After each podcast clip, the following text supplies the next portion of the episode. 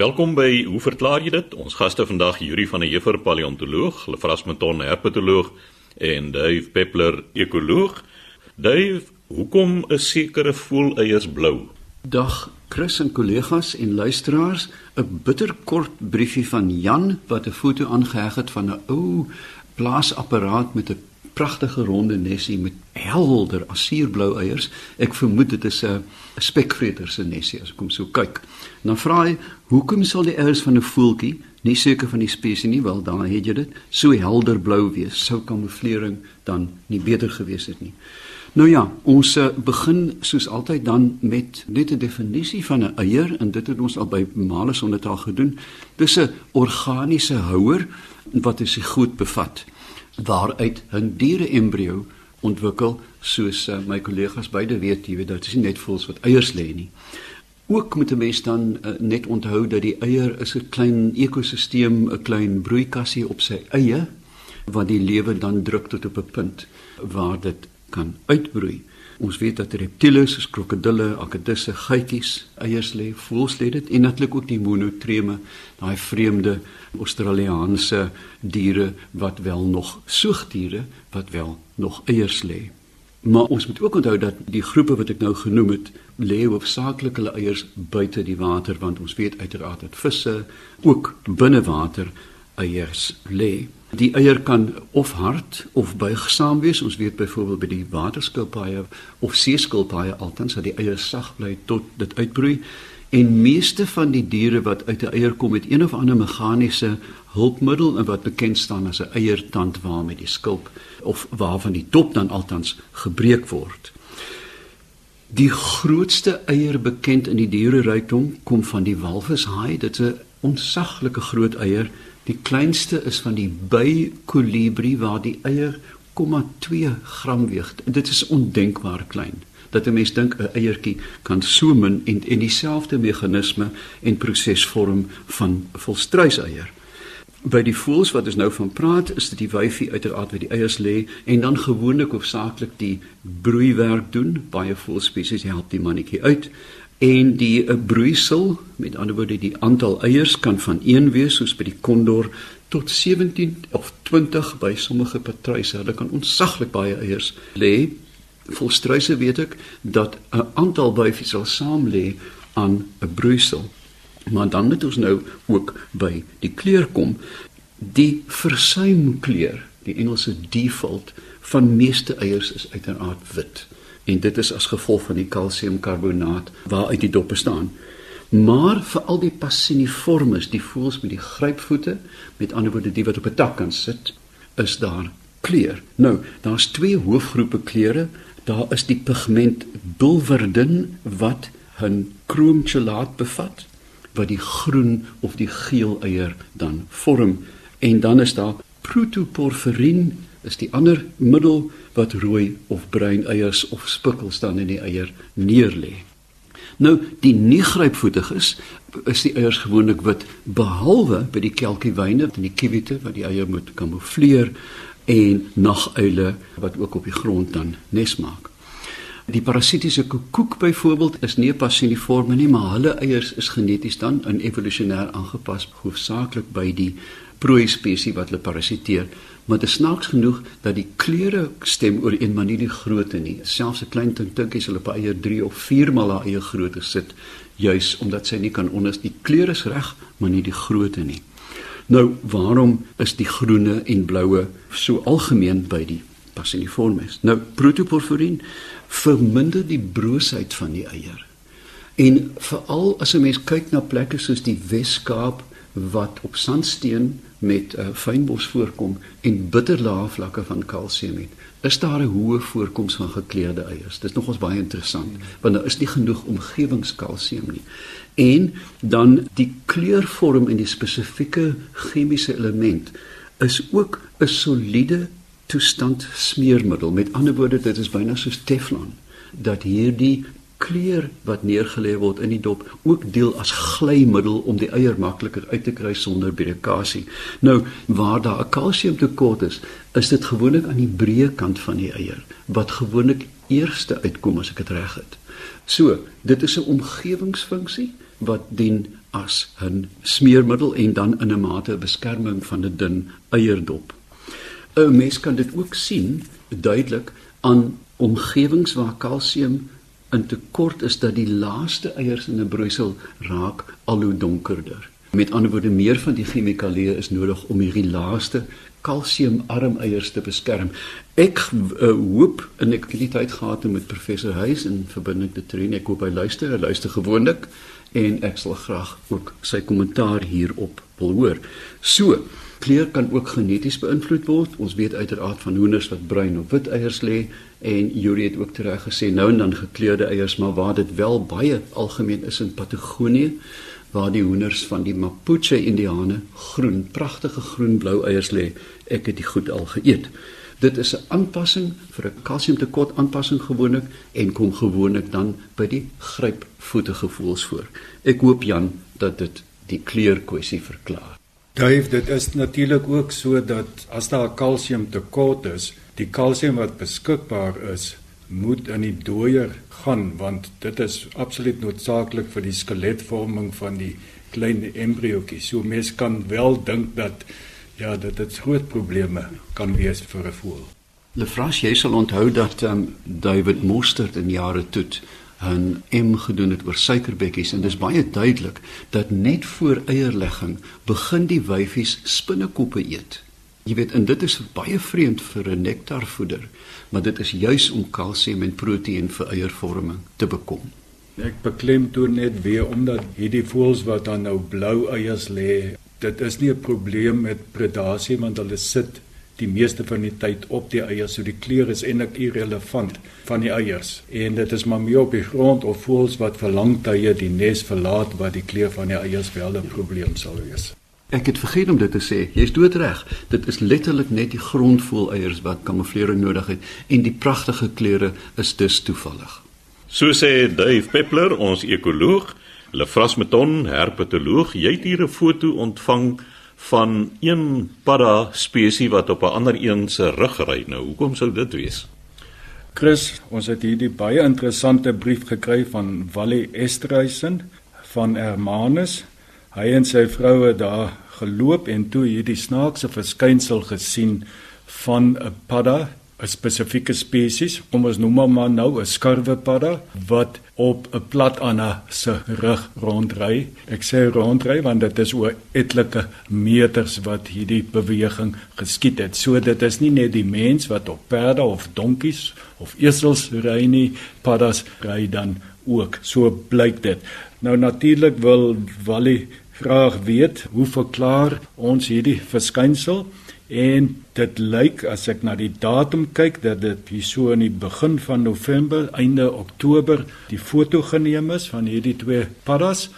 En dit is naby 'n dam gewees so 10 15 meter van 'n dam in die veld. Is natuurlik 'n dam in die grond in.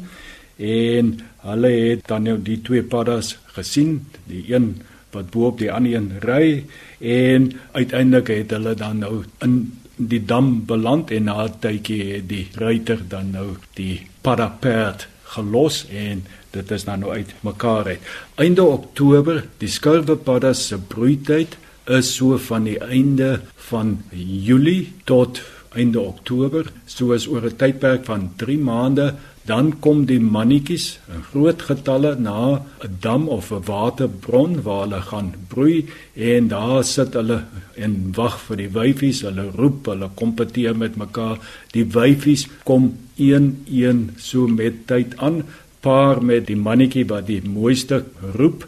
So daar's baie paddas wat glad nie paringsgeleenthede kry nie so ek dink hier teen die einde van die broeiseisoen is daar 'n paar baie desperate mannetjies, die skurwe paddas, want dat soos ek sê, die wyfies is maar altyd min op 'n keer wat daar is en dis hierdie klomp mannetjies wat moet kompeteer. Nou plat anders is natuurlik waterlewende paddas. Hulle is 95% van hulle tyd onder die water. Die enigste tyd wat hulle bo water verskyn is wanneer 'n waterbron opdroog of die suurgehalte raak te laag, die waterkwaliteit, dan sal hulle van een waterbron na 'n ander een trek. Nou ek vermoed dit is nou presies wat hier gebeur het Ons weet dit is vir jare baie droë jaar in die Weskaap en dan mag waterbronne mag opdroog en dan moet die plat aan as natuurlike beter blyplek gaan soek. So hy het nou nou na hierdie groot dam verhuis. Ek sê nou hy is waarskynlik 'n sy en toe naby die dam kom, het daar ongelukkig 'n lokval gewag van mannetjies wat se hormone oor hoops is en die mannetjie skouerpadde het nou gesien hierso is vir my 'n geleentheid maar oë toegeknyp en die plat aanhou bespring. As ons nie na die foto kyk, is dit die tipiese amplexus houding, knyp die wyfie agter die oksels agter die voorbene vas. Natuurlik die arme skouerpadde is nou heelwat kleiner as die plat aanhou wyfie, so die kloakas van die twee is nou glad nie naby mekaar nie. En in elk geval dis twee heel verskillende spesies nie laat dan nou enigsins iets kon gebeur nie. En so het dit nou maar aangegaan tot in die water. So ja, ek dink dit is nogal so interessante iets om te sien. Dit gebeur natuurlik baie in die natuur by sulke waterbronne dat daar klompe spesies, daar kan tot 12 spesies, verskillende spesies op dieselfde tyd tydens paartyd by 'n spesifieke waterbron wees en dan gebeur daar baie sulke enaardighede. Dat daar sommer een mannetjie is besig om te paar, maar daar's hom nog so 3, 4 ander wat ook probeer so 'n hele wondel van paddas. Lefras, ek het dit nog nooit teëgekom nie. Ek het al hierdie groep woep mengsel paddas in 'n dam gesien. Jy weet waar hulle byna freneties aan die paar is. Wat my wel interesseer van hierdie spesifieke geval is dat die Engelse naam van die plataan is clawed toad. Hulle het verskriklike kragtige naels en as jy 'n plataan vashou, krap hy vir dat die bloed loop. En ook hy kan dit oor sy rug doen. Nou, ek kan nie verstaan dat indien die Was dit 'n desperade skilwepadda en 'n dankbare plat Anna? Ek weet nie want gewoonlik ek dink as hy wou sou sy hom kon afkrap. Dit is seker so, hulle het baie skerp naels en daardie naels natuurlik om aas en goed uitmekaar uit te krap want hulle is aasvreters. Die feit dat hulle oor daardie afstand het sy dit nie gedoen nie. Dalk was dit na uh, eh, 500 meter of uh, groot afstand wat sy afgelê het, is seker nog al bietjie moeg van die trek. Ek weet nie, maar in elk geval sy was nie suksesvol in hierdie geval nie. Mens sou wil weet waar paar plat aan is. Hulle paar natuurlik onder die water, so dit was dan nou ook nog 'n aardigheid. Maar hulle vra sê jy seker nou beter kan sê as 'n padda in amplexus gaan, die wat fotos wat ek nou al gesien het, is dis 'n magtige greep wat die mannetjie uitoefen. En daar is sekere padda soos ek dink die vroedvrou padda waar daar selfs aan die tone sulke kussentjies is om die greep te verbeter. Dit is so, daar's allerlei interessante goed tot die plat aan 'n mannetjie het. Ook tydens die paartyd raak sy vingers of duime so skurf om beter te kan vasvat. En maar natuurlik die interessantste geval is seker die reënpaddas. Ons almal het al die reënpaddetjies, hierdie komieklike ronde opgeblaaste paddetjies met die kort bene. Die wyfies is baie groter as die mannetjies en die vraag is, hoe kan die ou mannetjie met sy kort beentjies hoegenaamd daardie wyfie vasvat? Hoe kan hy in amplexus gaan?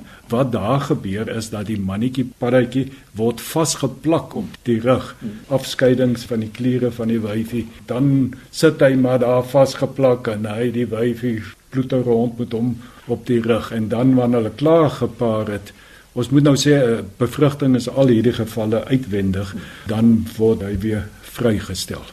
Chris dan ons is nou op hierdie padda tema ons het twee briewe gekry hierso uit die Suid-Kaap of meer Suidoos-Kaap, Herbertsdale en ook Port Elizabeth en in beide gevalle dieselfde storie.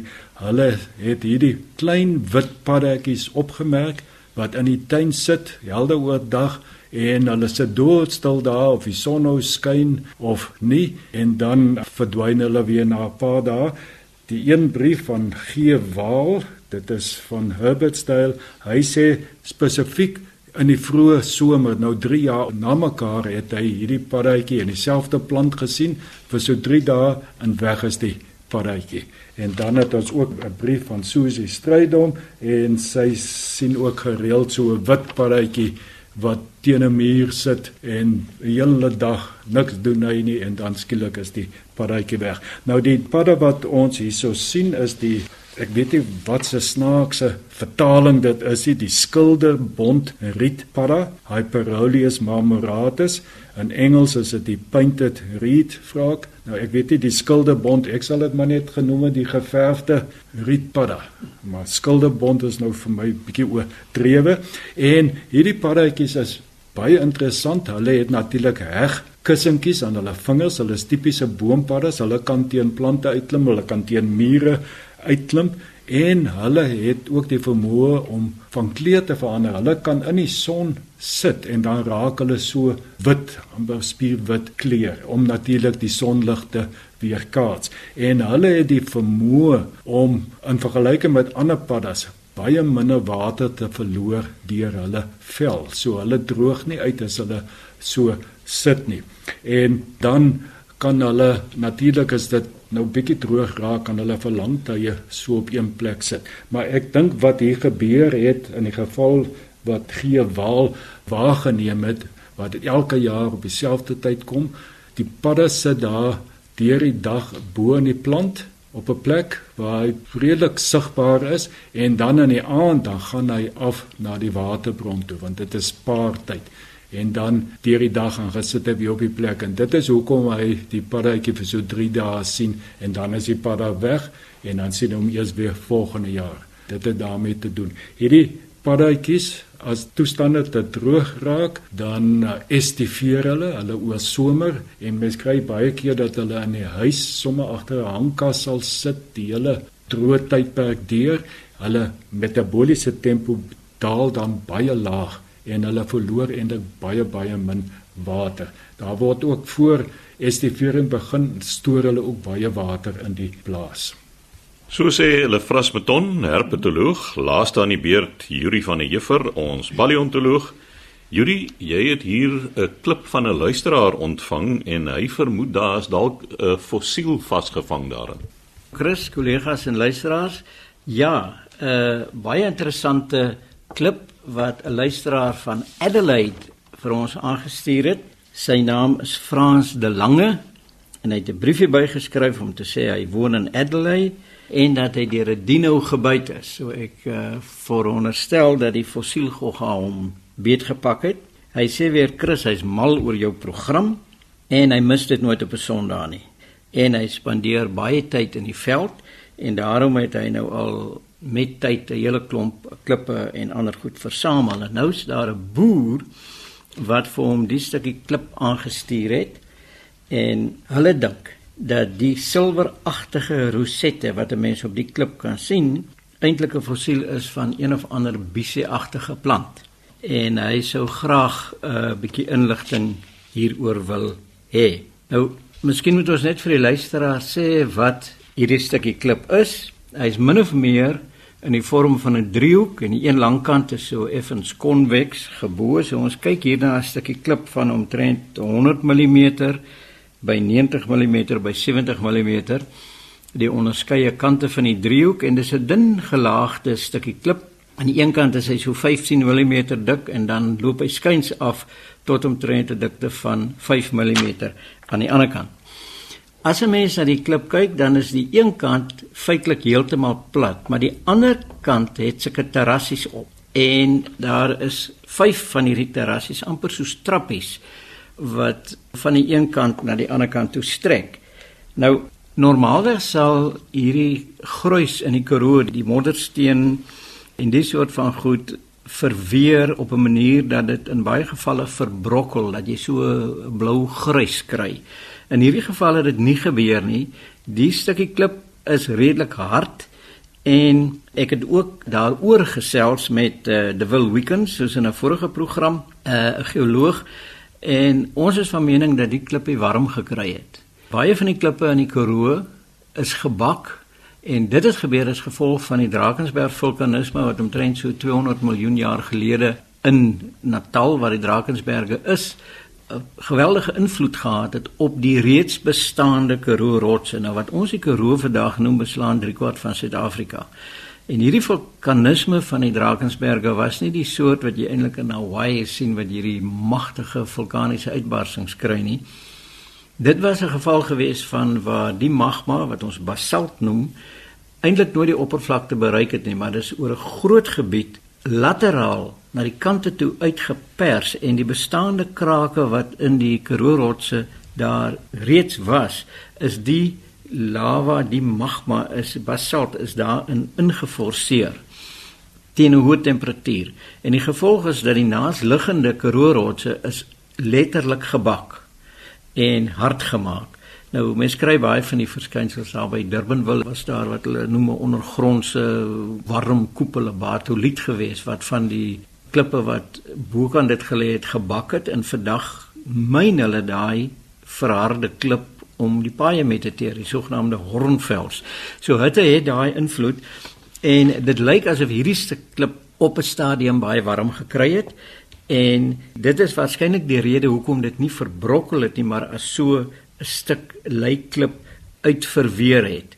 En uh daarom kan 'n mens nou hierdie verskynsels daarop sien. Nou eintlik wat jy hier het, Frans, daar is twee verskynsels op hierdie stukkie klip van jou. Die een is seker grys-swart afsettingkies wat baie lyk na die blaartjies van varings. Nou mens kry hierdie goed dwars deur die Karoo en op baie ander plekke in die wêreld As dit nou in ander klippe soos agate verskyn, dan praat jy van 'n mosagaat want dit gee jou daai idee. Uh mense kry baie mooi voorbeelde hiervan wat soos resevaringblare lyk, maar as jy dit van naderby beskou, dan sien jy dit kan nie varingblare wees nie. Plante dra hulle blare en die uitsteeksels van die blare op so 'n manier dat dit die sonlig die beste kan benut vir fotosintese. En omdat plante lewendige organismes is wat groei toon, dan groei die verskillende dele met betrekking tot mekaar. En daar's 'n baie vaste patroon hoe blare aan 'n plant gevorm word. Jy kan teenoorstaande blare kry, jy kan 'n spiraalvormige rangskikking van die blare kry. So dis relatief maklik om fossiel blare en plante te identifiseer op grond daarvan. As mens na hierdie goedjies kyk, dan is die vorming daarvan lukraak. Dit toon geen van die struktuur wat 'n uh, fossiel plant sou toon nie. En die goedjies is bekend, dit staan bekend as dendriete en dit word gevorm uit oplossing uit deur in baie gevalle deur mangaandioksied wat waarskynlik hier gebeur het. Nou as 'n mens dink dat hierdie oorspronklike sediment, moddersteen of wat dit ook al was, is afgeset in dun laagies en toe sit nou gebak en verhard en nou dit versplinter, dan versplinter dit in baie gevalle op daai verskillende laagies. En dit is hoekom ons daai vyf trappies kry waar die goed op voorkom. Nou as 'n mens aan dink dat hierdie klip het daai baie baie fyn krakies in en jy het nou grondwater en daar's allerlei soorte minerale daarin wat dan insypel in hierdie krakies gewoonlik verhit, so jy het 'n oorversadigde oplossing en as die water dan verdamp, dan kristalliseer die mangaandioksied uit en wat ons sien as dendriete is die manier hoe die kristalle vorm. Die tweede ding wat jy op die klip het is wat jy hier noem die silweragtige rosette wat jy dink is 'n visieplant. Nou as 'n mens dit so deur die lig draai, dan sien jy daar is 'n baie baie dun blink laagie oor beide kante van die klip en veral op die agterkant lyk dit asof dit so divergeer of as dit so uitsprei soos mense nou jou vingers van jou hand sal oopmaak. Weereens as dit bisie sou gewees het, nou bisieplante se blare loop die nerve parallel.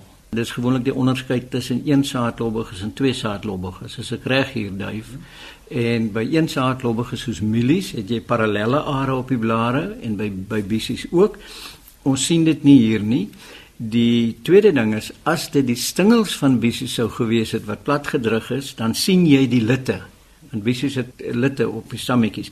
Mens sien ook nie die litte daar nie. So op grond daarvan Frans sou ek sê dat ons nie hier te doen het met 'n plantaardige verskynsel op die rots nie. Hierdie ligkleurige afsetting dink ek ook is 'n mineraal wat gekristalliseer het. De Wil Weekend stem saam met my.